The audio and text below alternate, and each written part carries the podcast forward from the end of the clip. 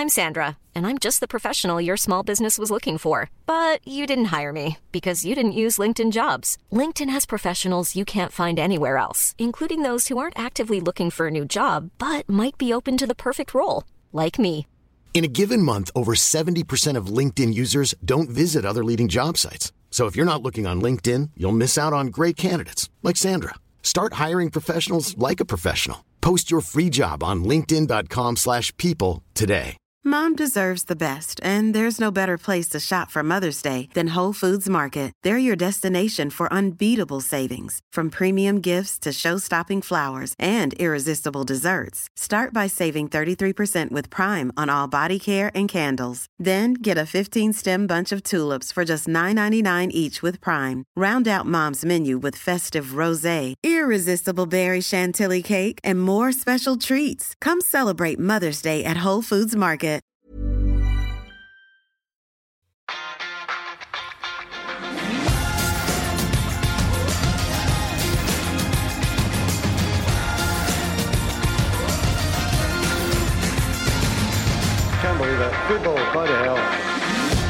Det drar seg mot eh, juli, og vi venter og vi venter og vi venter og vi venter. Vi venter på spillersalg, vi venter på spillerkjøp, vi venter på salg av Manchester United. Vi venter som et barn som gleder seg til jul, og det, det skjer liksom ingenting. ting. Men vi holder motet oppe her, vi. Eh, Vi har fått inn storfint besøk fra London. Bjarte Valen er her, velkommen. Tusen takk for den. tusen takk for den Jeg kom for å ødelegge resten av sommeren din. Nei da! Jeg er så pessimist fra før, jeg, har Ja, at det går dette bra. klarer ikke du å ødelegge. Nei, det er fint. Eh, Men Eivind, du er som alltid her. Koselig å se deg. Likeså. Hvordan var det på bobilferie? Nei, altså jeg aksepterer at andre syns det er en fin eh, ferieform, Eh, men jeg er mer hotellmann. Eh, så neste gang jeg skal til Geiranger Håndalsnes, så sjekker jeg inn på et sted. Eh, jeg liker å gå på do i fred, blant annet. Eh, Fredrik sitter også bak her, eh, som en slags tause Birgitte. Han fikk ikke være med i dag, men skal, vi skal se hva vi, vi drar deg inn om det kniper, bare så du vet det bak der. Vi skal ta for oss det siste på ryktefronten. Vi skal innom oppkjøpet, selv om ikke det er stort å melde. Du er i byen, Bjarte, og noe av det du jobber med om dagen, er jo at United-supporteren eh, får seg et eh, ansiktsløft, er det ikke det? Jo, vi blir, eh, vi blir annerledes i hvert fall. Eh, nytt design. Vi eh, går fra det tradisjonelle A4-formatet som vi nå har hatt i ganske lang tid, eh, ned til litt Det blir ikke helt A5, det blir litt større enn A5, men eh, det, blir, det blir mer som en, en bok, på en måte. De som har lest Josimar, eksempel, vil kjenne igjen det formatet. Så eh, første utgaven neste sesong blir i, i det nye formatet. Så spennende. Eh, Du og Lars Morten Olsen eh, jobber på spreng, og vi gleder oss til å se eh, når den nye utgaven kommer ved sesongstart. Men det har jo faktisk skjedd litt i helgen, gutter. Fordi Manchester United har lagt inn flere bud på Mason Mount. Chelsea har avslått alle sammen. Chelsea fòrer jo sin gode venn Matt Law, blant annet, med, med nyheter hele tiden. Så det, det kommer ut med én eneste gang Manchester United byr. Og så eh, begynner Manchester United å fòre sine litt, eh, og, sier at de nå har trukket seg ut. Bjarte, hvordan tolker du hele den eh, situasjonen der? Uh, det er litt vanskelig å vite. Det, nå, nå er vi kommet i den fasen av en overgang så jeg tenker det handler veldig mye om taktikk. Uh, Chelsea trenger å få solgt uh, solgt Mason Mount denne sommeren. For han kommer til å gå gratis neste år, og han kommer ikke til å gå med på en ny avtale med Chelsea. Det tror jeg ikke. Så de har all, all interesse av å selge han. Eh, men United har på en måte satt et tak. De, de vil ikke eh, strekke seg for langt, for dette er en krevende økonomisk sommer for United. De har begrenset budsjett før de får eventuelt solgt spillere, og det er en historie for seg sjøl. Det er vanskelig med de, eh, med de lønningene som mange av de United-stjernene har i United. Og én ting er å selge dem, men du skal, du skal over, overtale dem til å gå ned i lønn i tillegg. Så jeg, eh, akkurat nå er det litt sånn stillingskrig. Hvem blunker først? Eh, Chelsea prøver å skvise mest mulig ut av United. United har satt foten ned, kan det se ut til. Og så er det jo litt sånn interessant det som vi så med at United åpenbart har vært ute og brifet sine journalister og sagt at ok, vi eh, legger Mason Mount død, og så går vi og ser på Brightons eh, Moises Casedo istedenfor. Og det er jo en spiller som Chelsea i utgangspunktet òg er interessert i. Så betyr det kanskje noe at Chelsea tenker at ok, hvis vi faktisk går med på United sin krav, så får vi Casedo i fred. Eh, eller er det full krig mellom United og Chelsea nå på den fronten òg? Så det er sånn taktikk. Det er vanskelig egentlig å si eh, hvor mye er dette som er reelt, og hvor mye som er taktisk. Og så har du Caicedo, da. Eh, han er jo en dyrere mann. Altså, det, snakkes jo om eh, dette budsjettet som Bjarte er inne på, at eh, Manchester United må selge. Eh, hva tenker du, Bjarte? Eivind?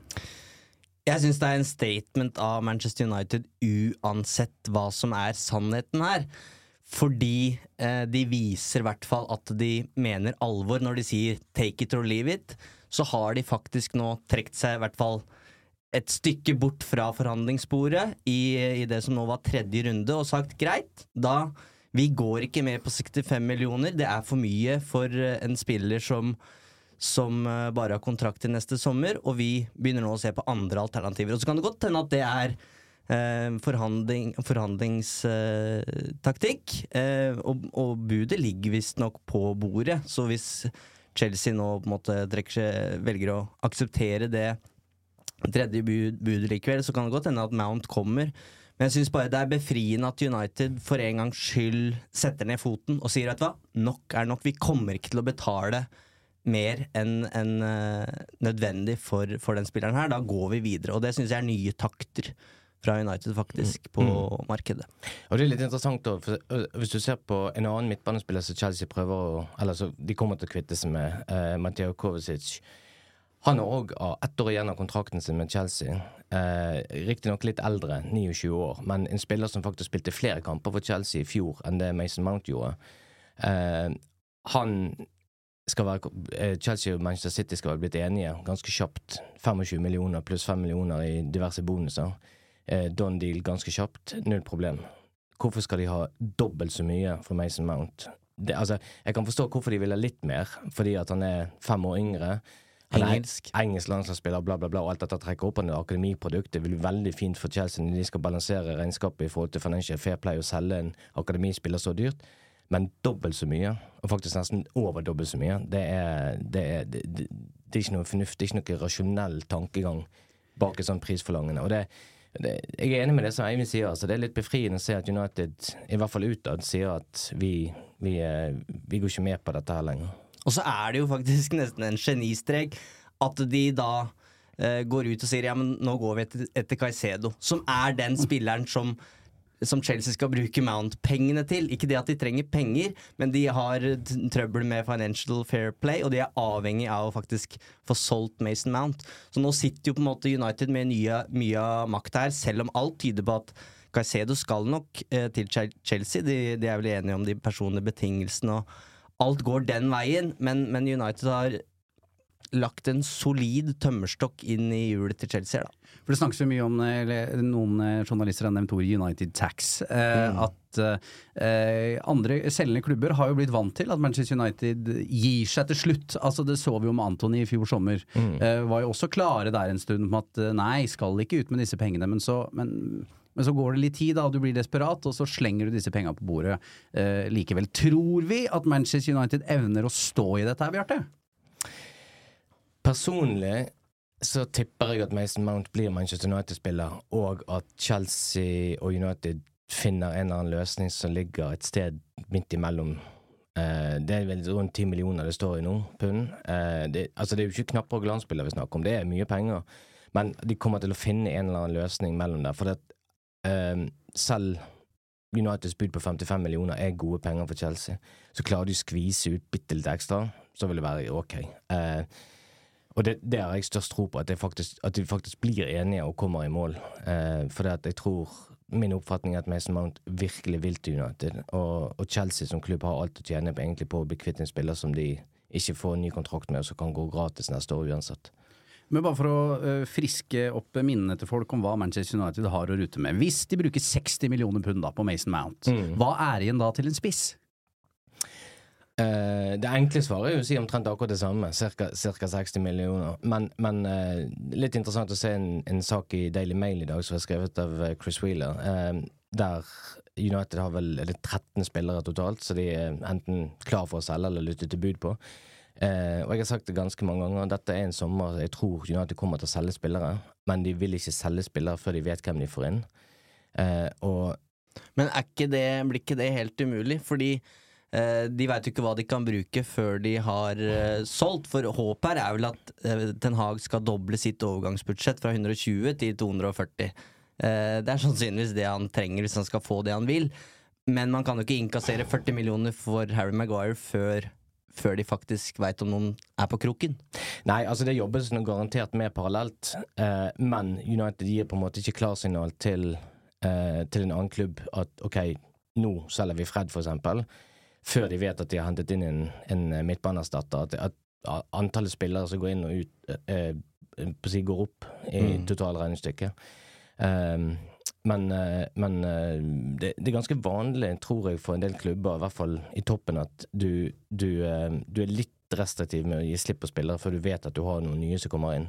I det øyeblikket United signerer den første spilleren, hvis det blir Mason Mount, så tipper jeg at det går ikke så lang tid før du ser at det blir bevegelse på spillere ut òg. Men har du tillit til at Manchester Uniteds sportslige apparat evner å bli kvitt alle disse spillerne? Uh, ja, altså jeg tror ikke det, det, som, det som ødelegger, er ikke nødvendigvis Altså Det er mange klubber som kunne hatt råd til å betale 40 millioner for Harry Maguire, men det er ikke så mange klubber som ville ta seg råd til å betale 200 000 i ukelønn for han. Det tror jeg er ingen, for å si det sånn. Eh, og, og det er litt av problemet. Altså, i, i Skrekkeksempelet fra et par år tilbake, Marcos Rojo for eksempel, som spilte var det åtte kamper over tre år eller noe sånt. Han satt jo og hevet en ukelønn i United på nesten 100 000 pund. Altså det var jo sånn De, de best betalte spillerne i Liverpool og Arsenal lå jo omtrent på det.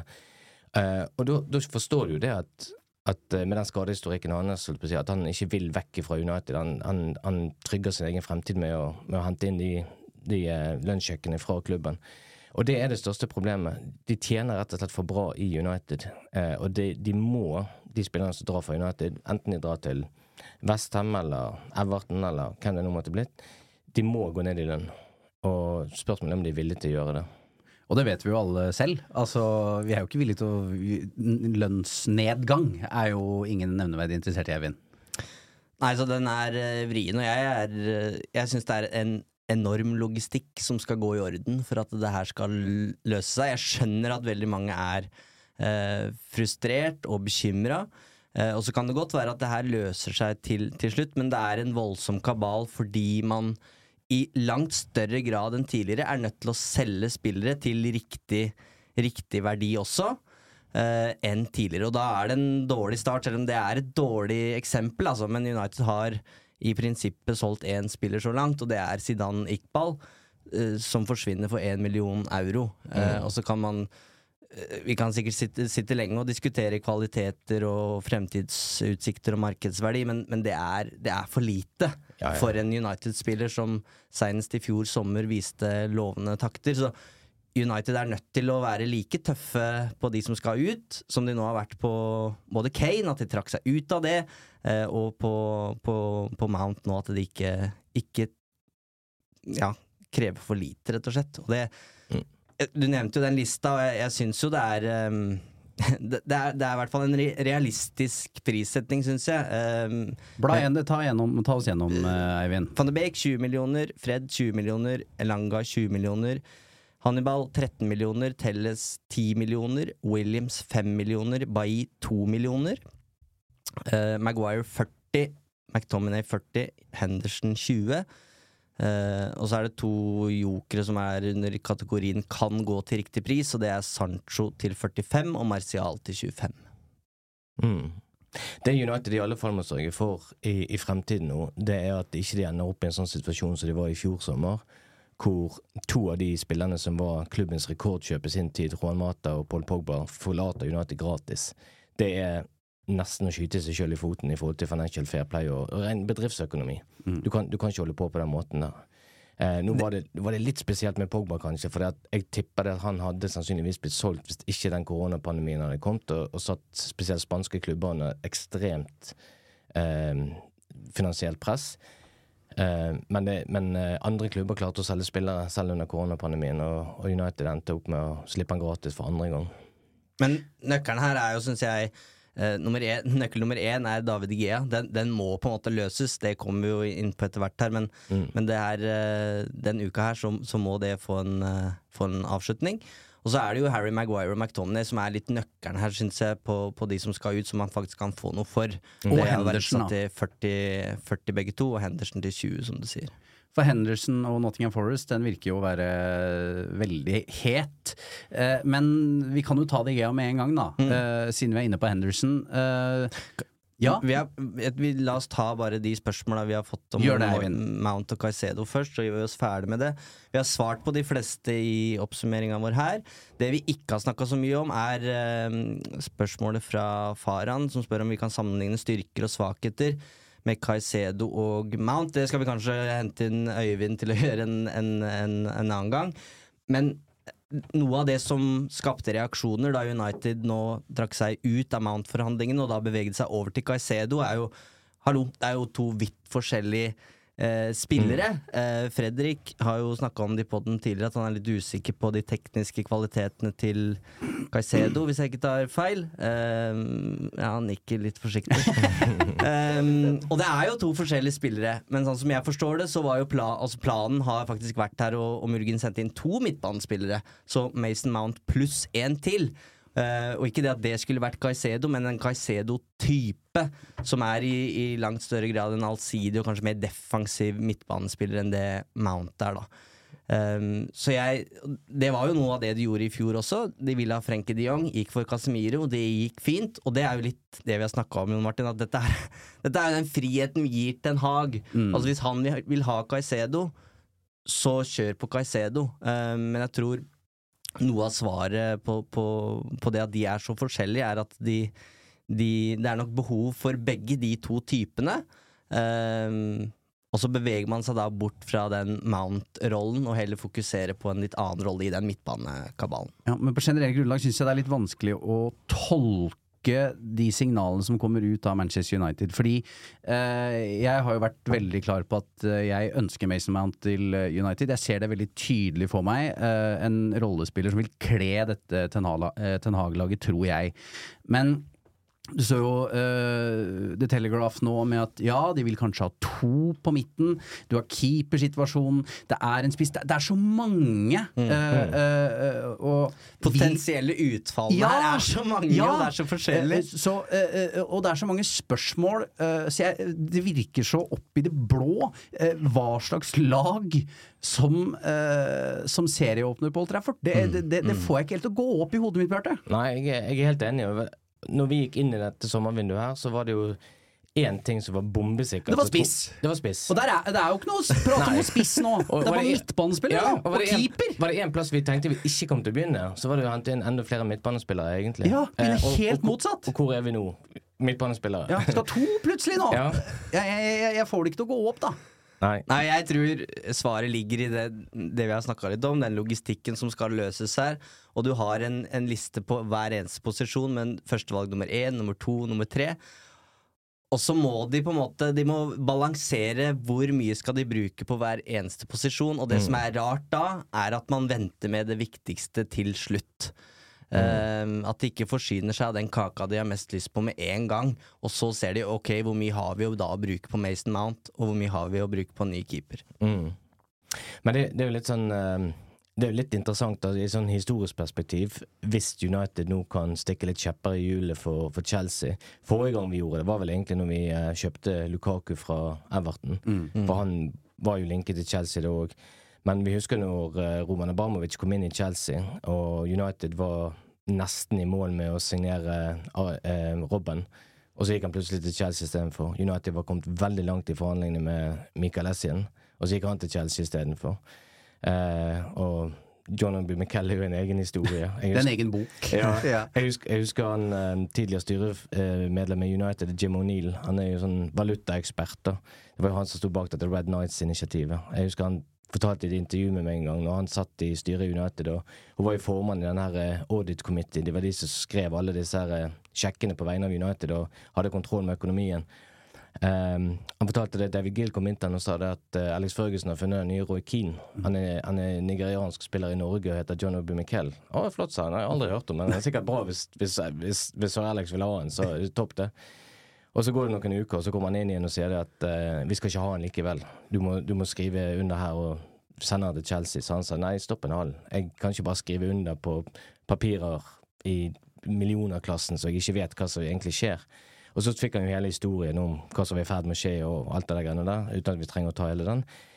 Og avslutningskommentaren da fra, eh, fra David Gilt til eh, Jim O'Neill, som han ble sitert på, og godkjente de sitatene til meg, det var jo det at eh, OK, hvis ikke du skriver under på det papiret, så får du velge. Vil du ha den nigerianske mafiaen på nakken, eller vil du ha gangsteren etter Abramovic? Er du, er, du, er du, riktig heldig, så får du begge deler. Og du bare sa OK, kom med papiret, jeg skriver under. Dette gidder jeg ikke. Og det, og det, hadde vi alle gjort, ja, tenker jeg. jeg tror det. Eh, men historien er full av eksempler der fra den tidlige Abramovic-tiden hvor spillere som var linket til United, endte opp i Chelsea. Så hvis vi kan på en måte gjøre litt sånn motsatt vei nå, og, og stikke litt kjepper i hjulet for Chelsea, så ikke meg imot. Det blir en overgangsklassiker, det der, hvis Caicedo signerer for United og Mount blir værende på å gå gratis neste sommer. Men, men det, det, det, er én ting med, med Caicedo. Det er mulig jeg bommer litt hvis jeg skal sammenligne de to, men United har en, en, en ung akademispiller, eh, Kobe Maino, som jeg er veldig begeistret for. Eh, kan han minne litt om Caicedo som spillertype? Eh, og vil det i så fall blokkere hans vei inn til A-laget? For Maino er vel 18 nå? 18 eller 19? Caicedo er 21? Noe sånt? Jeg kaller den en Pogba med samvittighet. Ja. så, um, så jeg, jeg, jeg, ser på han som enda, enda en enda mer offensiv spiller da enn en Caicedo. Men um, uansett så tror jeg jo både Caicedo og Mount det er spillere som United trenger på midtbanen sin. Og så høres det litt ikke tungt, men det høres Du, du mangler nok den pasningsfoten som Fredrik gjerne vil ha inn der eh, hvis United starter med Caicedo og, eh, og Casemiro, f.eks. Men det høres jo veldig bra ut å dra på Etiad og Anfield og Emirates med den duoen der, da. Det må mm. sies. Smeller bra, da. Ja. Uh, vi, vi, får se hvor dette her uh, ender. Jeg, siste ord i denne Mason Mount-saken uh, er ikke Nei. sagt. vi skal fokusere litt på keepere, men aller først jingle fra Eivind. Your job is to tell the truth. That's your job. Ah, det er vel Neil Custis eh, som får det der eh, fra Sir Alex. Jeg var på den pressekonferansen. Oh. Ja, eh, da eh, Sir Alex var forbanna på hele pressekorpset, men særlig Neil Custis eh, fra The Sun. Han sier det også. Neil, Neil. Eh, så da var det god stemning på, på Carrington. Jeg satt bakerst og holdt pusten. Jeg har fått høre det fra flere United-managere, han. Absolutt. Både, eh, både, av det han har skrevet, og hvordan han ser ut, eh, har, jo, har, jo, rett og slett Neil Custis eh, fått. Men keepersituasjonen er jo også snodig, eh, fordi Davide David Hea er straks per def Han er ikke Manchester United-spiller. har ikke kontrakt. og kan de da selge Henderson til Nottingham Forest? Uh, og så er det en gammel kjenning av Ten Hag som nå uh, linkes veldig til Manchester United. Hva, hva er status, Bjarte? Uh, det siste jeg har fått med meg der, er jo egentlig det at det har vært dialog mellom United og uh, Andre Onanas representanter. men jeg tror det er veldig vanskelig for United å gi gass før de egentlig vet hva som skjer med DG Som med alt annet, da, som, som alt annet. Ja. Men mm. en, en, plass må de bare begynne, liksom. Mm. Ja. Uh, men det som er litt interessant med det er, Han skal jo gifte seg neste helg. Uh, og han kan jo våkne opp dagen etter bryllupsnatten kontraktsløs med United, faktisk. Uh, og det, det, er litt, det, er litt, sprøtt å tenke på, men altså, poen, poenget er at hvis jeg har forstått det riktig, så i dag så tjener han rundt 375 000 pund i uken. Og og Derfor vil ikke United trigge det ekstra året. da. Uh, og de har tilbudt han det rundt 200 000, som egentlig fremdeles gjør han til en av verdens best betalte keepere, uten tvil. Kanskje fremdeles den best betalte. Um, og så vil sikkert han ha mest mulig. Jeg, jeg, har fremdeles Igjen, da, hvis ikke United da faktisk setter foten ned, som jeg var inne på tidligere, og sier at nei, nå har vi gått rundt grøten lenge nok, nå går vi for Onana. Takk for alt du har gjort for oss, David Gea, men vi fristiller deg. Mm. Um, det hadde jo sikkert ikke Altså, jeg tror i utgangspunktet at David Gea vil bli værende i United. Jeg tror det handler om at han vil ha mest mulig penger for, for å bli der. Jeg syns det er helt sykt at det her ikke er løst. Ja. Ja, jeg syns det fordi det her er et problem som vi har sett komme så utrolig lenge. Ten Hag har fått spørsmål hver eneste helg på sine pressekonferanser. Stilt seg bak. Ja, men han har da fått en påminnelse om at det her kommer. Dette må løses. Og så tror jeg det har vært en, egentlig en ganske mm, bred enighet internt om at det her kommer til å løse seg. Det er forhandlinger. United har vært klare på at de vil, de vil eh, forlenge. Og i april så fikk vi høre at det er, Digea blir. Mm. det, sånn blir det. Uh, men vi stresser ikke med annonsering osv. Og, så og så har jo ting endra seg fra Camp Digea på et eller annet vis. Og det har jo satt United i saksa. Um, men sånn med tanke på det overgangsvinduet vi nå er godt inne i, da, selv om vi fortsatt er i juni, så er Digea en så stor nøkkel, da. Fordi nummer én, du har den lønnsposten på 375 000 eh, pund. eh, som, eh, som skal enten trekkes fra det regnestykket her, eller, en, eller den vil være med videre på et eller annet vis.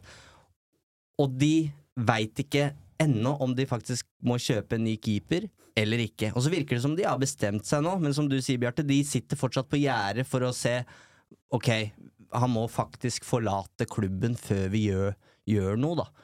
Um, tenk, tenk deg skrekkscenarioet, da. Hvis de, hvis de nå hadde sagt ja til Nottingham Forest, ok, dere kan få Dean Henderson for type 20 millioner, 15 millioner pluss bonus eller et eller annet, 5 millioner hver, uh, og så uh, stikker til Gea, og så får de ikke André Onana. Står du der med Tom Heaton, da? som også vil bort. Ja, Ja, ja. Da, eh, da er det bare til å lappe han sammen og håpe at han holder en hel Blir sesong. Richard Hartis, dette her, Ja.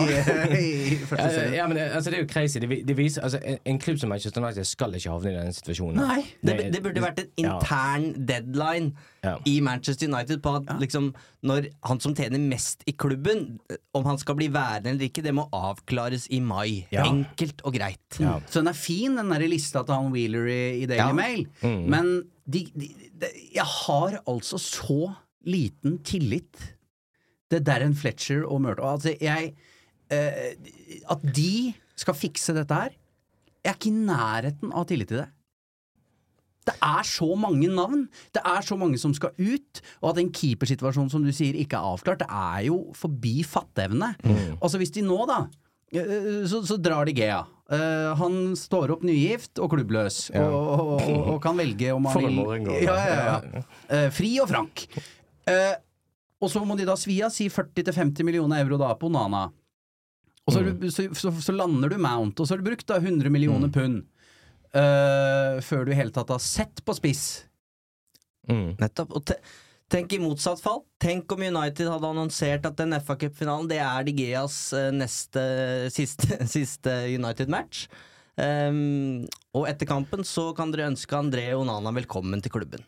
Ja. Mm. Tenk for en start det hadde vært på overgangsvinduet. Som en helt annen form for arbeidsro som den klubben hadde fått, uh, fått da. Og den, som jeg sier, det her visste de at kom. Så at, de, Mm. at det ikke er løst, det er eh, beyond fatteevne. Eh, spesielt også når, når Ten Hag på sin siste pressekonferanse egentlig innrømmer at han er usikker på keeperplassen. Mm.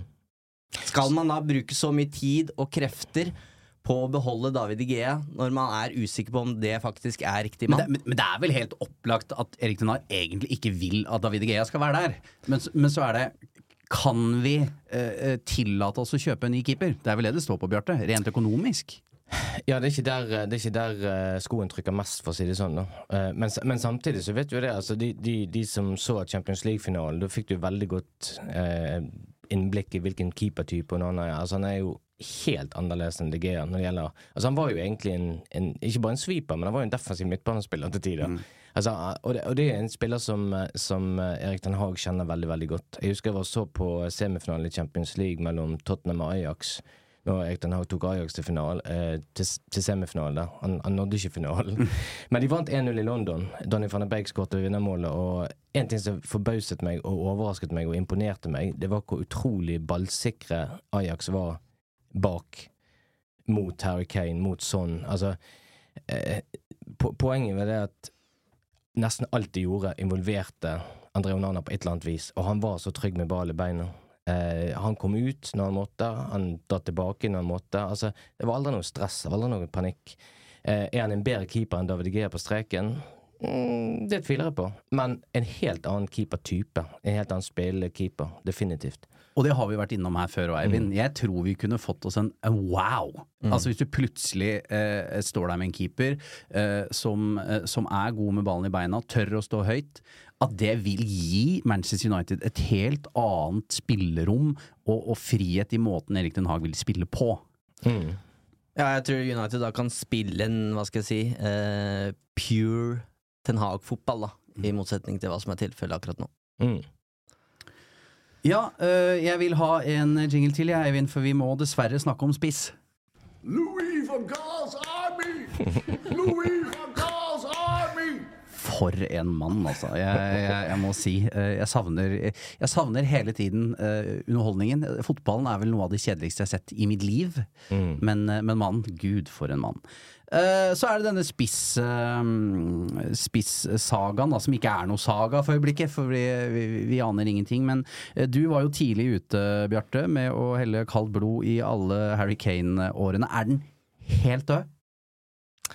Eh, nei, altså i, i fotball du skal aldri si aldri. Men eh, jeg har en veldig klar oppfatning om at han ikke kommer til Manchester United i sommer. Det tror jeg må enormt mye til.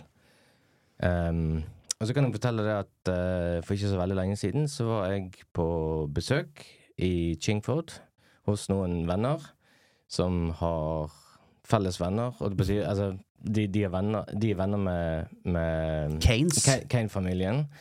Eh, og eh, de bekreftet bare det jeg har hørt fra andre hold. Eh, de tror han kommer til å bli i Tottenham eh, neste sesong òg. Med mindre eh, kanskje Real Madrid. Det er en klubb som alltid har fristet Harry Kane. Det virker jo som eh, Manchester United har gjort et desperat siste forsøk. Det var vel nevnte Custis som hadde en sak på at eh, meldinga til Kane er at hvis du vil til Old Trafford, så må du be om overgang. Det tror jeg ikke kommer til å skje. Det er, altså, Nei, han vil jo miste sin eh, enormt store stjerne da i eh, Tottenham. Ja. Um, mens hadde United måtte smelt 100 millioner på bordet, som er en god sum, mener jeg, da, for, en, for Harry Kane på utgående kontrakt, så, så ville han i større grad kunne reist med hevet hode, vil jeg påstå. Ja.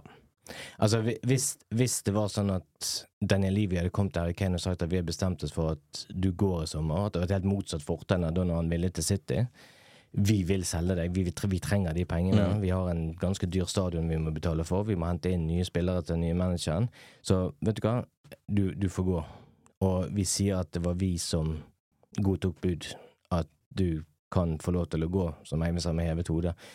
Kanskje det hadde stilt seg litt annerledes, men med ett år igjen av kontrakten, så fra det mer sånn emosjonelle ståstedet, blir Harry Kane i, i Tottenham en sesong til, så vil han være kontraktsløs, kan signere på en vanvittig sign-on-fee, uansett hvor han går.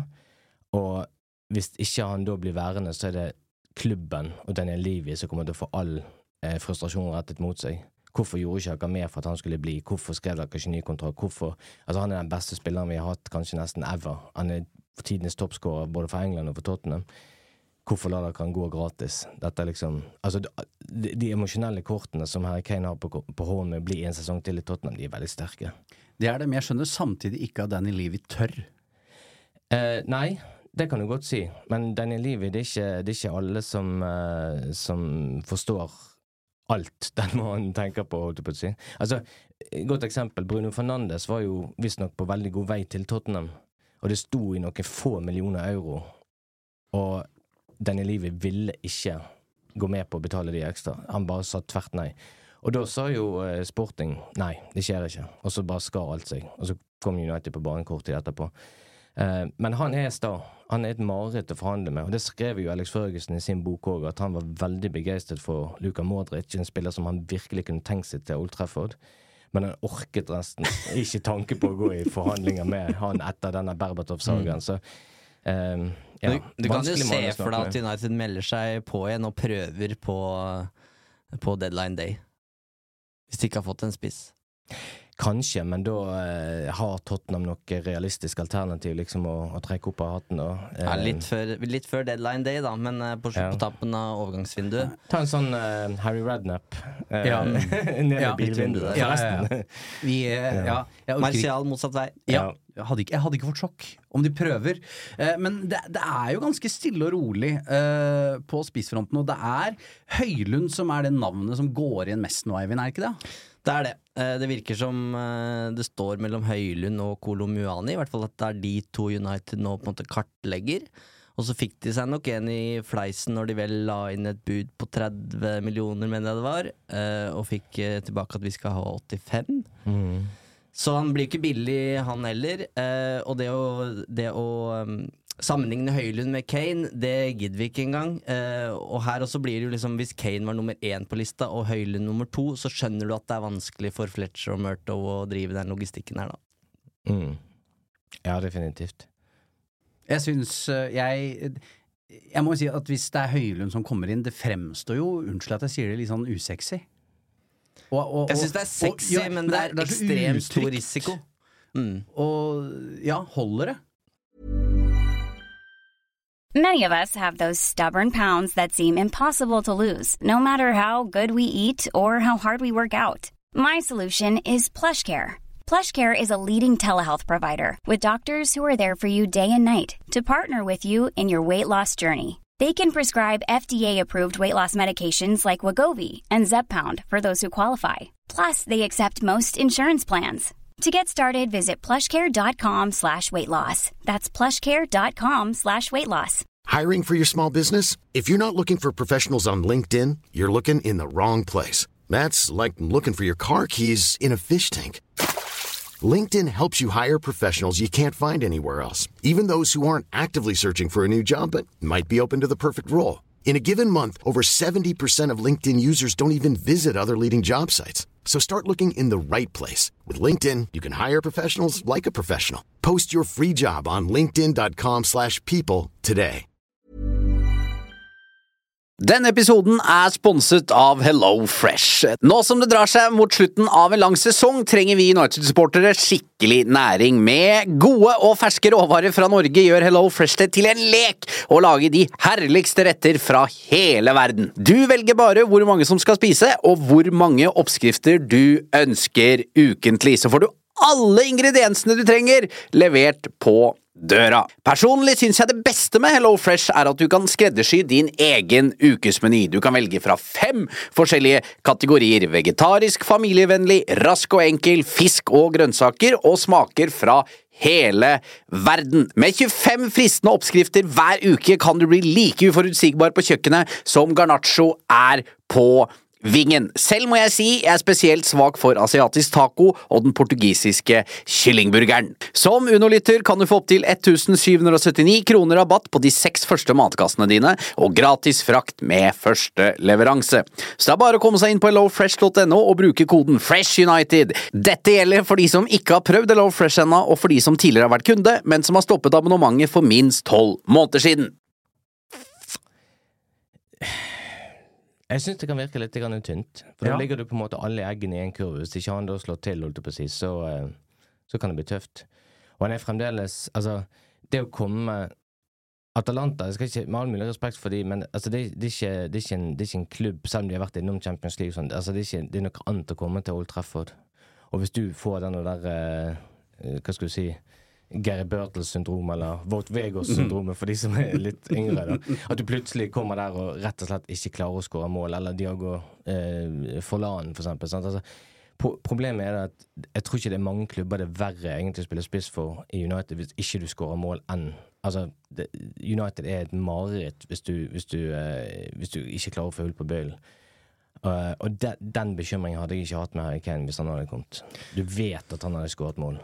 Men la meg være litt eh, djevelens advokat her, da, i eh, ordets rette forstand. Jeg var i et bryllup for to helger siden, og det store snakkisen ute på tampen av kvelden der var jo altså, Hvis ikke Kane, hvem? Kane er uaktuell per nå. Eh, han må vi bare sette en strek over. Victor Aasemen, det kreves da 130 millioner pund. Det er, Det jo, jo det. det er jo mer enn utgangsbudsjettet til, til United. Og PSG er vel gira på han også, eh, så den blir også vrien. Så hvilken liksom premiumspiss er det som kan gå rett inn på laget og levere i Kane Ossimen-land eh, fra dag én, og som også er tilgjengelig? Det er, det er ikke mange. Nei, Um, det blir beintøft. En, en spiss som jeg faktisk hadde eh, litt tro på, og så jeg tenkte at her kan, bør kanskje United melde seg litt på. Eh, det var jo Ivan Tony i Brentford. Han har jeg sans for, og har sans for, bortsett fra det blir en veldig rar signering nå. Men eh, nå Jeg skal jo aldri si aldri med United, men, men, Ja, ja. men nå så er jo han eh, ute i Starter med han og Mason Greenwood der da i eh, august. Det er helt topp, det. Kjeltringlaget. ja. Nei, det er vel eh, Tony er vel ikke tilbake på fotballbane før i senhøsten eller noe sånt. Nei, jeg er enig, men, men eh, da tenker jeg bare ulike scenarioer, da. Jeg, jeg kan gå med på Høylund hvis Manchester United lager en intensjonsavtale med Harry Kane. Mm. Altså, ok, nå sviver jeg ganske mye på et uh, litt risikofylt prosjekt. Uh, Høylund kommer inn. Neste sommer kommer Harry Kane gratis på en heftig signing on fee. Hvis, hvis det er sånn det funker. Da skjønner jeg at de tenker flere steg. Den kan jeg gå Den burde på. annonsere de to avtalene likt. Ja, ja, hadde bare vært så vel og så enkelt. Eh, eh, men det å gå inn og tenke at nå skal Manchester United kjempe om ligatittelen med Høylund, det tror det, det holder ikke. Høylund trenger et år til at, i Atalanta før de kan si at det er en sånn Haaland-signering. Altså at man Ok, nå kjøper vi en spiss som kommer til å banke inn mål i Europa i ti år til. Han står med ni Serie A-mål. Mm. Du kan ikke bedømme mye ut ifra det. Og så eh, det man ser på YouTube, ser jo veldig bra ut. Det er en sånn rå Men der. energi du hadde sett bra ut på YouTube, eh. Eivind. Men han ser mer spektakulær ut enn det jeg hadde gjort, da. Ja. Um, og han, han, han er bra for Danmark, så det er jo et talent der. Men, men det, det holder jo ikke at Manchester United signerer eh, en 20-åring som, som ikke er i nærheten av på en måte å være det råtalentet som Wayne Rooney var på samme alder. Eh, når du trenger en som skal levere i Kane, van Persie, Rooney, Ronaldo-land. Og Muani, da. Eh, det, det, jeg, jeg, har jo ikke sett han mye, så ærlig skal jeg være. Eh, men jeg syns jo liksom ikke rapportene ah, Det, er Nei. Og igjen prisen, da. Ja. Det han blir nok enda dyrere enn Høylund igjen. Eh, og det er uh, noen som har snakka om litt sånn Martial-vibber. Uh, og jeg er litt enig. Han har heller ikke vist nok til at, til at han kan forsvare den prisen. Selv om det vel er et slags styrketegn at Bayern, som, som selvfølgelig har full kontroll på det han har levert i Bundesliga, også virker å være fysen. Men kan, kan det hende her at Den tanken har slått meg, at Erik Den Haag på en måte trekker litt sånn Om ikke en kanin opp av hatten, akkurat, så at han overrasker oss litt. Og tenker det at, altså, vi tenker jo det at United må ha en spiss. Det må jo stå øverst på ønskelisten. Men internt i United så har han kanskje en idé om at ok, neste sesong så spiller Rashford spiss. Mm. Sancho på venstre, Anthony på høyre. Eh, men vi har i bakhånd så kommer Arman tilbake igjen, kanskje fra, fra, fra lån.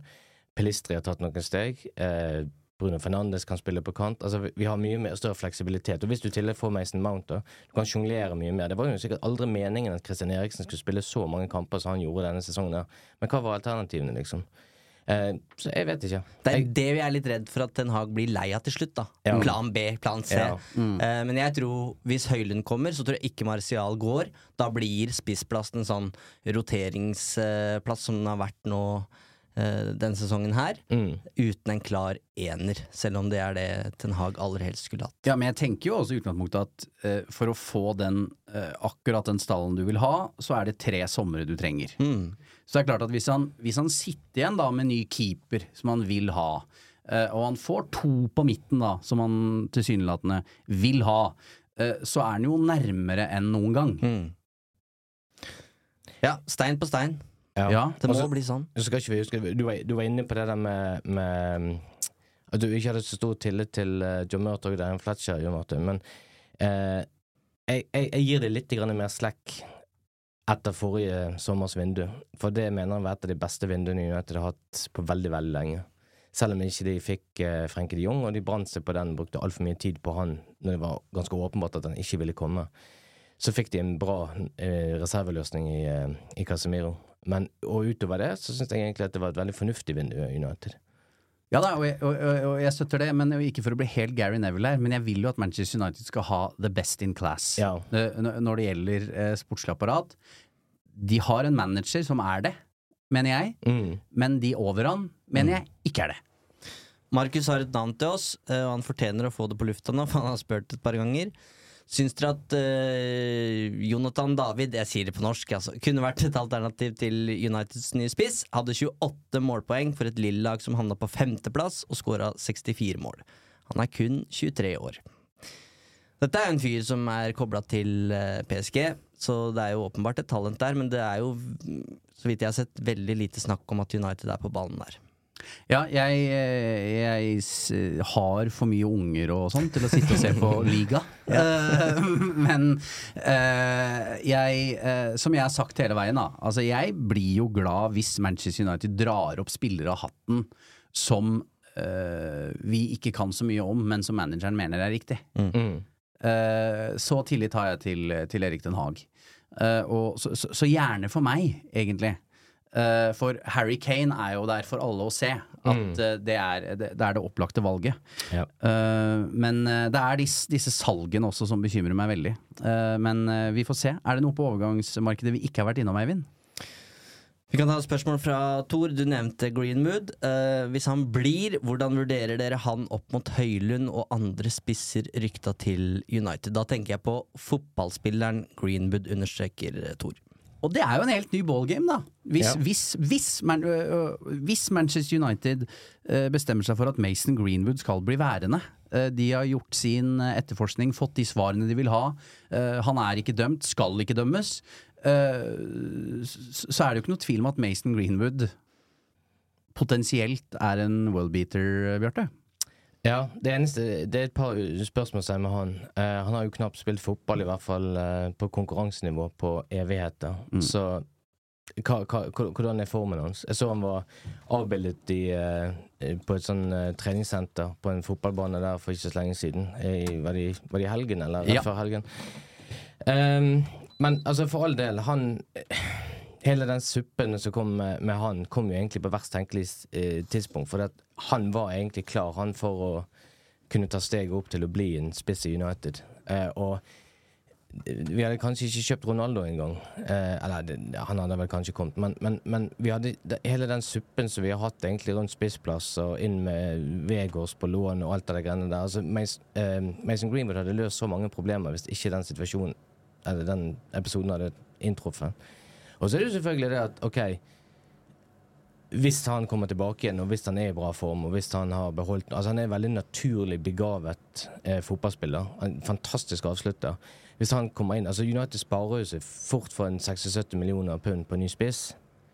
Men det er et regnestykke som skal gå opp her. Hva, hva sier sponsorene til United hvis han kommer tilbake igjen? Hvordan reagerer Altså, noen i klubben vil ha han tilbake, noen vil ikke. Sant? Altså, det, det er liksom Man er litt delt. Så um, ka- kanskje eh, Det er veldig vanskelig å vite om han i det hele tatt kommer tilbake igjen. Uh, men hvis du bare skal se på det fra et sportslig ståsted, hvis han er i bra form og kommer seg opp i noenlunde match, matchfit form relativt kjapt, god nok til å spille for United, definitivt. Men uh, det er mer med den historien enn bare det rent sportslige. En enorm mental utfordring i så fall, da. Ja. For uh, unge Mason Greenwood. Eh, usikker på om de faktisk veit hva de går til da, uh, for det kan bli stygt på bortebane i, i England. Um, og én ting er på en måte å være i Om han kommer seg opp i fysisk og teknisk form igjen der han, der han var, uh, men det å ha selvtilliten og, og det å bære United-drakta um, Det kan være tungt. så jeg, jeg er veldig usikker på hvordan det ville slått ut. Jeg kjenner bare at jeg er veldig glad for at jeg ikke skal fatte den avgjørelsen, for den er uh, Det blir vel Richard Arnold til syvende og sist, da? Eh, eller er det Glaze-familien? Eller Ja, hvis de, hvis de er der fremdeles. Da. Ja. Eh, men vi snakker om at denne eierskapsprosessen trekker ut i tid. Det gjør jaggu med den avgjørelsen rundt Mason Ma- eh, Greenwood sin fremtid i United òg. Så eh, det, dette er betent. Dette er ikke noen enkel løsning for United. altså. Ja, plutselig så er det to Masons som er ja. på plass Paul Trafford i august. Vi skal til spalte, vi.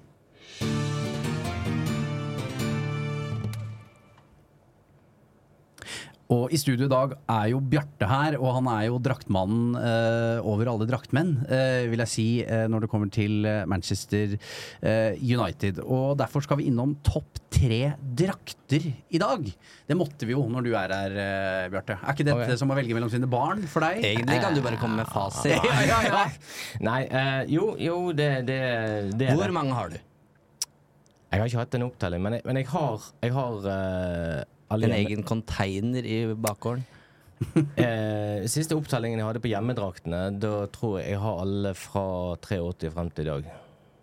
Eh, noen av de eldste, sånn retroutgaver, men eh, noen, noen av de rundt midten av 80-tallet er originaler. Jeg kommer ikke inn i de lenger nå, men, eh, men eh, eh, Ja. Og så er mangler det vel en tre eller fire fra Premier League-epoken på tredje- eller bort, bortedrakter eller tredjedrakter. Det siste nye, jeg begynte å prøve å eh, få tak i gamle keeperdrakter. Ja. Men de er rådyre, altså. Ja. Eh, Folk, folk som legger det ut på eBay nå til å begynne med så var det jo en sånn gullgruve. Du kunne gå ut og kjøpe gamle keeperdrakter som var 20 år gamle liksom, for et slikk og ingenting. Nå no, glem det. Du får jo brukt dem, da. Det skal du ha. Jeg syns det er mange som samler på drakter, og så blir de på en måte bare liggende. Du eh, er jo flink til å bruke dem. Ja, men jeg klarer ikke å bruke alle. Nei, For det går rett og slett ikke? Det, Nei, da blir det, det, blir det, det, blir, det, blir, det er litt for få dager i året. Eh, Du måtte tatt én ny hver dag. Ja, skulle- det. Ja, det, det gjør det. Det var kanskje en idé. Jeg syns jo eh, det er til slutt Bjarte som skal få avgjøre her. Eh, men jeg kan slenge inn min, som, som er min nummer én, og det er 94-drakta. Den med snøring. Snøring, ja. Ja. Det er min uh, weak spot Ni- av hva uh, 92, 93 og 93, 94. De, Ja. dem er Ja. Jeg tror Hvis du tar en, en sånn poll i Manchester, så Ja. tror jeg det er den som vinner. Ja, den er flott, altså. Ja. Andrej Kanchelskis likte ikke den. Altså, den drakten, han, drakten den ga han veldig gode minner fra den gangen de vant ligaen. To år på rad og vant double i 93-94. Men vet du hva, han, han, han sa det at han, han fikk jo veldig ofte disse lange krossene, Ja. Nå, og så dempet han det på brystet. Og i rett i snøringa. Og det var rett i snøringen, og så det gjorde vondt. Ja. Og jeg tenkte liksom, det er tøffe ukrainere liksom, Ja, ja. på høyrekantene som liksom Au! liksom bare, Hæ? Litt av glansbildet. Fikk liksom Ja. Det er dårlig for Kankan, men den, den liker jeg godt også. Det er min nummer én. Ja, den, er- den, er- den er fin. Jeg liker veldig godt den som vi hadde faktisk året før. Den, eh, det var en Adidas-drakt. Det var siste, siste Mm. Ja, den, ja. gamle drakten Ja. med Adidas. Det som er litt dumt med den, er jo det at den vekker de minnene fra når vi mistet ligagullet til Leeds. Uh, men uh, bortsett fra det, jeg, jeg er ganske enig med deg. Jeg, jeg liker den uh, med snøring veldig. For Er det var- ditt svar? det var noe helt nytt Ja. med den eh, Nei, fineste drakten for meg er sannsynligvis United sin hjemmedrakt Var det 86, 87 og 87, 88? Eller, ja. Den gangen der så hadde du hjemmedrakt over to år. Det er en mm. Adidas-drakt. Rød. Litt sånn hvis du ser veldig nøye på den, så ser du akkurat som det er sånn Adidas-merker. Du, du må Ja, studere det, det, jeg, jeg vet uh... men, men eh, stripene på skuldrene Det er ikke sånn som i dag, så er de enten hvite eller svarte. Den gangen der så var de hvite med sånn veldig tynn svart kant på. Eh, og så var det Sharp, den logoen Ja. der. Det, det er ikke til å stikke under en stol i dag. Um, når du ser på en drakt i dag, sponsorlogoen Jeg syntes det var lettere og finere i gamle dager, når det var mye renere logo. I dag så er det så mye rart. Spesielt alle disse her eh, klubbene som har sånn kinesiske bettingselskaper. Snart så kommer de med sånn digitalt trykk. Ja. Sånn at det, det flasher, og du kan Ja. eh, bytte sponsor underveis i matchen. Og. Det blir ille, det. men, men det er deilig å være kvitt Chevrolet. Er det, for det var stygge greier, Eivind. Den var svær på midten Og gul. Ja, altså, ja. Ja, det, var, det var prangende. Men du må komme med din drakt inn i Ja. miksen her. Eh, da har vi 80-tallet, og vi har hatt 90-tallet, så da kommer jeg fra 2000, da. Eh, 06-07. Enig. Jeg kaller den for Roma-drakta, bare. Ja. Ja. Mm. Hvem er første spilleren dere tenker på? eh? Jeg tenker Michael Carrick. Ja, det gjør det. Ja, jeg òg. Ja. Mm. Det er Carrick eller Rooney for min del. Ja.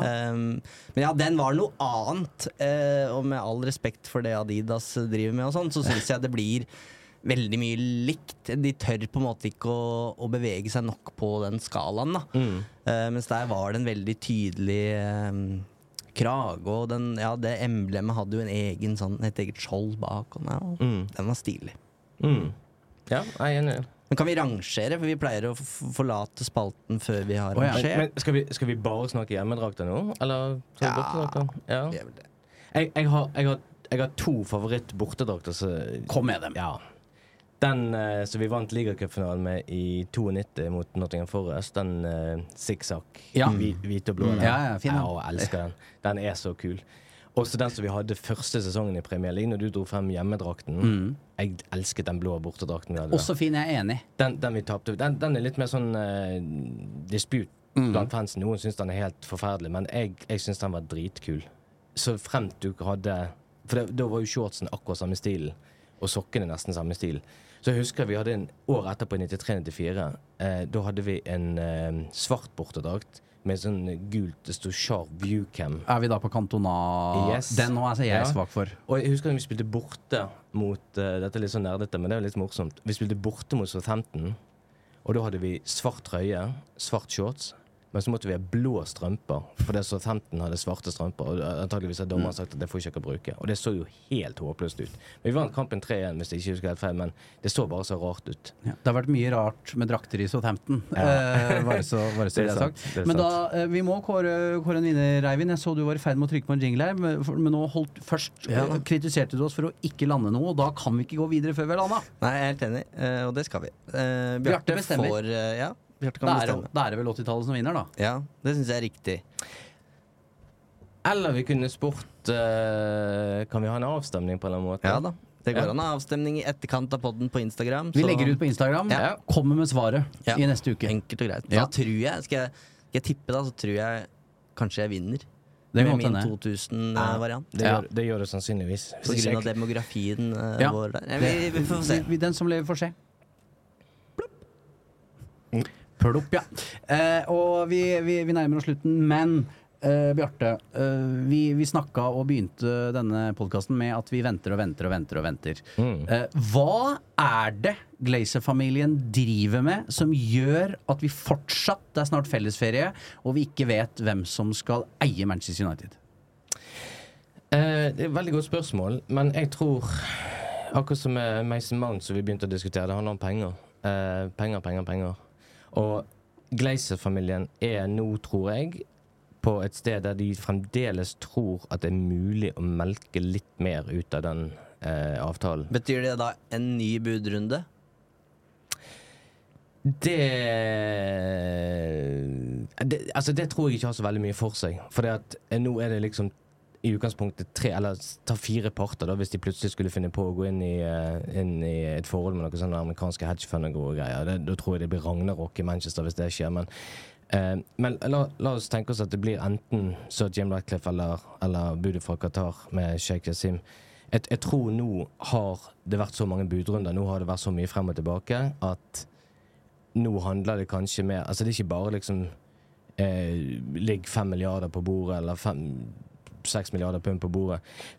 Nå handler det kanskje litt mer om struktur på betalingen. Hvor mye kommer med en gang? Hvordan skal dette her ordnes opp? Altså, det er ufattelig komplisert eh, med et så enormt stort volum på en sånn avtale som det. der. altså, jeg husker for en del år tilbake så laget jeg en sånn eh, sak i US. Vi laget sånn organisasjonskart hvor mange selskaper som egentlig er en del av Manchester United, og det var ikke få. Bare, bare, for å ta ett eksempel, da. Altså, eh, Glazers-familien jeg, tror det jeg tror det er kun Joel Avram som, som eier det. Jeg skal, jeg, jeg skal ikke ta gift på det, men jeg, tror det er det. De har et selskap som heter Alderly Urban Invest. Og de eier, eh, hvis jeg tar helt feil, det, det containerområdet som ligger bak Old Trafford, bak Stratford End, og leier det ut. En sånn liten Ja. ting som det der genererer gode inntekter. Eh, skal det være en del av avtalen? Sannsynligvis skal det det. Eh, MUTV, hvordan blir det inntektene der fordelt? Hvordan, med tanke på eventuelle rettigheter? Her er nok ufattelig mange advokater inne i bildet, eh, finansfolk inne i bildet. Det, det er små detaljer som skal meises ut, og dette, dette tar tid. Men det som overrasker meg lite grann, det er at ikke man har kommet nærmere en klargjøring av at dette heller klart i retning av den ene eller den andre. At det fremdeles virker som en sånn two horse race. For de som har vært, eller i hvert fall dekka andre oppkjøp, sier jo det her at det her er jo Dette går over stokk og stein. Det her Mm. hører ingensteds hjemme at en oppkjøpsprosess skal ta så vanvittig lang tid. Og jeg også har respekt for at det salget her, det er en enorm eh, jobb å, å, å skulle gå gjennom de buda. Men sånn om man går for A eller B. De har så mange advokater og økonomer at det kan de sette seg ned og gjøre i løpet av en uke. Eh, Så hvorfor eh, det at de nå har liksom drøyd prosessen med budrunde på budrunde eh, Fair enough, Glazer skal ha prisen, så det er det de gjør. Det er greit. Men nå er vi ferdig, og vi har vært ferdig lenge. Så hva er det de nå sitter og gjør? De kan ikke sitte og, og på en måte regne på detaljer nå. Nå må de jo på en måte velge. Går vi for Yasim? Går vi for Ratcliffe? Eller skal vi faktisk bli værende? Jeg skjønner bare ikke hva de sitter og gjør. Akkurat nå har de tatt sommerferie, liksom. Nei, altså, jeg, jeg, jeg tror det rett og slett kan forklares med, med det Altså, Jeg hadde jo aldri trodd at dette kom til å ta så lang tid. Jeg var vel litt mer pessimistisk med tanke på tidshorisonten enn enn veldig mange andre når jeg sa kanskje eh, overgangen første til andre kvartal eh, i 2022. Mange trodde at det kom til å være igjennom før det. Og her er vi i slutten av juni, og vi har fremdeles ikke fått en avklaring. Jeg har snakket med mange finansfolk for gjerne en måned siden, og de, og de sa liksom nei, nå forventer vi at noe skjer veldig kjapt. Og vi venter, og vi venter. Som jo Martin var inne på. Eh, men jeg tror det er fordi at Gleisers fremdeles tror at det er mulig å melke ut et eller annet mer. Og det må foregå noen diskusjoner, forhandlinger, eh, på bakrommet på et eller annet vis. Eh, og så tror jeg det at vanligvis, hvis du ser på en finansmann som eh, Jim Ratcliffe, så tror jeg han i en annen situasjon, i en annen setting, sannsynligvis hadde satt foten ned og sagt at nei, Dette gidder jeg ikke. Nei, nå er det nok. Litt sånn United skal gjøre med Mason Mount, angivelig. Eh, men, men dette er et så spesielt prosjekt. Han, han vil ikke helt gi opp eh, tanken på å eie Manchester United, så jeg tror han er eh, hva skal vi si, Han er tilbøyelig til å vente litt mer enn det han vanligvis ville gjort. Men tror du vi på et eller annet tidspunkt får uh, beskjed om hvem de har gått for? Eller er det bare sånn at plutselig så bare kommer det en eller annen melding om at nå er de i boks? Spennende, fordi at uh, når den nyheten sprakk om at eh, Gleicher-familien ville ha dette strategiske prosessen og bla, bla, bla, som annet la til rette for et mulig salg, så var det jo først en nyhetsjournalist i Sky, ikke i Sky Sport, men i Sky, som faktisk breiket den nyheten først. Og hvor han hadde det fra, det vet jeg ikke, men det kom jo, det ble jo kjent 2. 22. november. Det ble sendt Seinere samme kveld så kom det en pressemelding fra United. Det kom melding til New York-børsen, og det var jo overalt i alle medier. Men det kom faktisk Det var lekket først. Eh, det kan selvfølgelig skje igjen. Eh, men foreløpig så ser det jo ut til at den uh, Rain Group som styrer den prosessen på vegne av Gleiser-familien, de, de er veldig tilbakeholdne med informasjon. De lekker, hvis de lekker i det hele tatt, eh, så lekker de bare akkurat det de ønsker. Og jeg innbiller meg her at det er visse klare, tydelige prosesser som må følges i forhold til børsen og alt av det greiene der. Så Det er andre som har lekket her, da. Det må sies. Ja, det, det- er ikke noe tvil om at budgiveren er pisser på grøten. PR-byråene til budgiverne har vel de som har lekket mest. Har Manchester United nye eiere når Manchester United serieåpner i august? Jeg tror ikke de har nye eiere, men jeg tror de kan Jeg, jeg skal være litt optimistisk og tenke jeg håper og jeg, tro, og jeg tror at det er kommet en avklaring hvem som blir de nye eierne. Men om den overtakelsen formelt sett har skjedd, det er jeg mer usikker på. Men Sorry. det ødela jeg sommeren. Jeg så jeg kom til å gjøre det. gjorde det likevel. Eh, nei, jeg kjenner at um, det er seige greier dette her, Eivind. Det er det, og um, det vi får trøste oss med, er at jeg, tror- jeg tror ikke det her har noe å si for hva som skjer i sommer. Men det har så mye å si likevel. Altså sånn for uh, humøret, Ja. Øh, hva omgivelsene tenker om Manchester United, øh, om øh, spillergruppa, hva manageren føler. Altså det har Én ting er hvem skriver ut i sjekkene i sommer, det er noe, det er noe så. Men det har så mye å si. Ja. Det har alt å si! Ja, jeg, jeg er helt enig. Altså, det har jo blitt sagt liksom fra United sin, sin, sin side at det er business as usual denne sommeren. Men det er jo ikke det. Nei, det er egentlig ikke det. For er det én på en måte, er det én person nå som representerer optimismen på Old Trafford nå, så er det jo egentlig Erik Den Haag. Eh, vi hadde noen stygge nesestyver i fjor. Eh, meg og Fredrik var på Anfield, blant annet. Det var ikke så veldig gøy. Eh, men men, eh, men eh, han har skapt en optimisme. Han har skapt det liksom Vi, vi føler liksom vi har vært nede i kjelleren og vi, tar, tar, vi er på vei oppover. Vi har liksom det spring i steget nå. Eh, nå hadde jo vært sommeren på en måte bare for å fortsette på den bølgen. Og, og tenk om vi nå hadde blitt solgt. Vi hadde fått inn et par nye toppspillere. Og det hele den atmosfæren som hadde vært rundt Manchester United, hadde vært helt annerledes. Istedenfor nå så leser vi liksom at Ten Hag er frustrert. Han er irritert, får ikke de spillerne han vil ha. Venter de må kvitte seg med, og eierskapssaken drar ut og drar ut. og Mason Greenwood-saken altså Jeg tror ikke det er den som er mest presserende for United, men det er jo òg en sak som bare trekker ut og trekker ut. Og dette var en sånn sommer hvor vi virkelig kunne bygget videre på den optimismen som var, og så gjør vi det ikke. Men jeg tror United fortsatt har de midlene de har, uansett om Sheikh Yasim tar over nå i juli. Og jeg tror eh, de fortsatt kan signere Mason Mount, eh, uansett om eieren heter Glazers, Sheikh Yasim eller sir Jim Ratcliffe. Det var poenget, men jeg er helt enig. Det er presidenten av palasset som skal skiftes ut her. Så Ja. selvfølgelig har det noe med Ja, og så- følelsen ja, går inn i ny sesong med. huske på Dette er jo, uh, hvis du ser bort fra spillerne, uh, uh, og, så er jo dette arbeidsplassen Mm. til veldig, veldig mange mennesker. Ja, litt over 1000. eh, som eh, Det kan jo ha enorm betydning også for dem, ikke sant? Mm. Eh, og det gjør jo noe med et miljø når det er så mange mennesker som går en uviss framtid i møte, da. Eh, satt på spissen så kan hende det første Sheikh Jazim gjør, er å sparke Erik Den Haag. Mm. For han skal ha en annen manager. Han skal ha annen sportsdirektør. Han skal ha en annen eh, Richard Arnold kan jo også være ferdig. Mm. Altså det, kan, eh, det er jo så mye forandring som plutselig kan skje. Mm. For en ny eier er jo sin fulle rett til å gjøre akkurat hva han vil. Mm. Og så kan du si hvis han er smart, så uh, har han litt is i magen og ikke gjør det. Men, men eh, det, det som du sier, altså, jeg, jeg tror Erik Ten Hag, uansett hvem som kommer inn som ny eier, eh, sitter veldig trygt som manager. Men den øvrige ledelsen i United det er jeg mer spent på. Eh, jeg ser ikke helt hvorfor United skulle kvitte seg med Richard Arnold, f.eks. Jeg tror han er veldig godt likt. Jeg tror han er veldig respektert. Flink. Men eh, det som du sier, altså, disse, disse folkene har jo sine, sine folk som de eh, betror seg til. Hva tenker du da, Jon Martin, hvis okay, det er over for John Murto og Darren Fletcher, eh, og Team eh, Yasim henter inn eh, the best in class, som Neville sier? Hjertelig velkommen, sier jeg til det.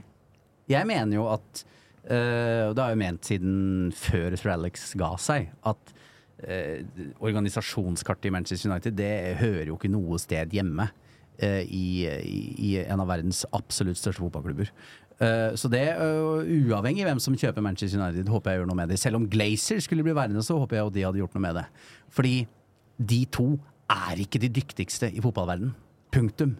Det er ingenting med deres erfaring, hva de har gjort før, som tilsier at det er de to som skal styre den sportslige sjappa i Manchester United. Ingenting. Og det, det er jo en sånn sak, altså vi kan jo kritisere Det er mye vi kan kritisere Manchester City for, de har jo 115 anklager de må svare for om ikke så altfor lenge òg.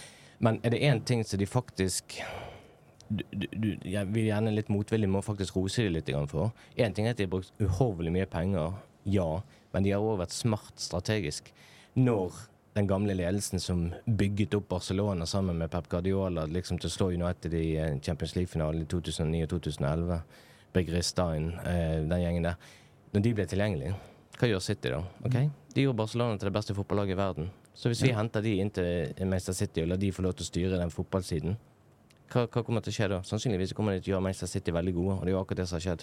Og hvis Ja. de i tillegg får Pep Guardiola Nemlig. Det er jo å ha en strategi. Kanskje vi sitter her med van de Saar i høst. Ja. Kanskje. ja. Han har jo mer å vise til enn det mm, gutta dine har, Henriksen. Ikke kall de gutta mine, Eivind. De er ikke gutta mine. Men, men, men da kan du si Van der Sar var jo veldig dyktig i Ajax med å hente spillere fra Nederland til Ajax, videreforedle og selge dyrt. Det er jo ikke det som må være målet hans i United. Da må han hente de spillerne som er allerede på nivået over. Så det blir en litt ny type jobb for han. Og bare så det er sagt, uh, United er bedre rusta i et sportslig apparat nå enn hva de var enn da Ed Woodward i starten skulle holde på Ja, ja, ja. helt sjøl. Så, så det må jeg bare virkelig understreke. De har jo gjort, prøvd å gjøre ting.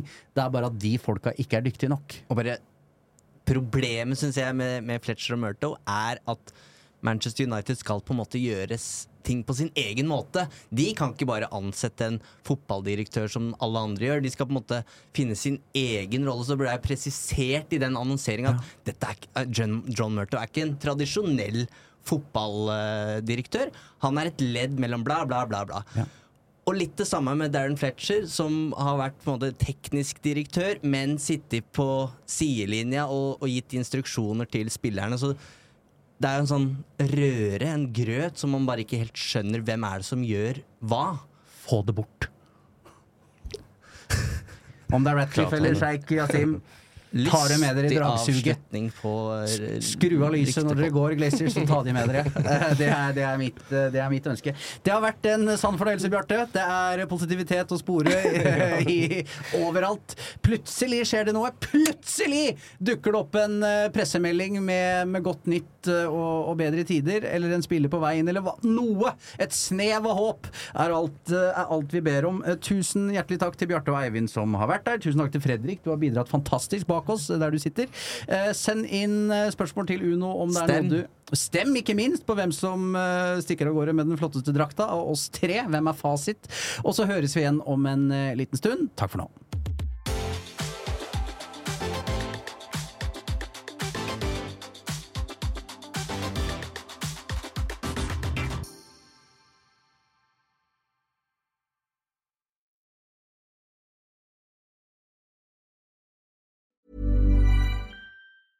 Mom deserves the best, and there's no better place to shop for Mother's Day than Whole Foods Market. They're your destination for unbeatable savings, from premium gifts to show-stopping flowers and irresistible desserts. Start by saving 33% with Prime on all body care and candles. Then get a 15-stem bunch of tulips for just $9.99 each with Prime. Round out Mom's menu with festive rosé, irresistible berry chantilly cake, and more special treats. Come celebrate Mother's Day at Whole Foods Market.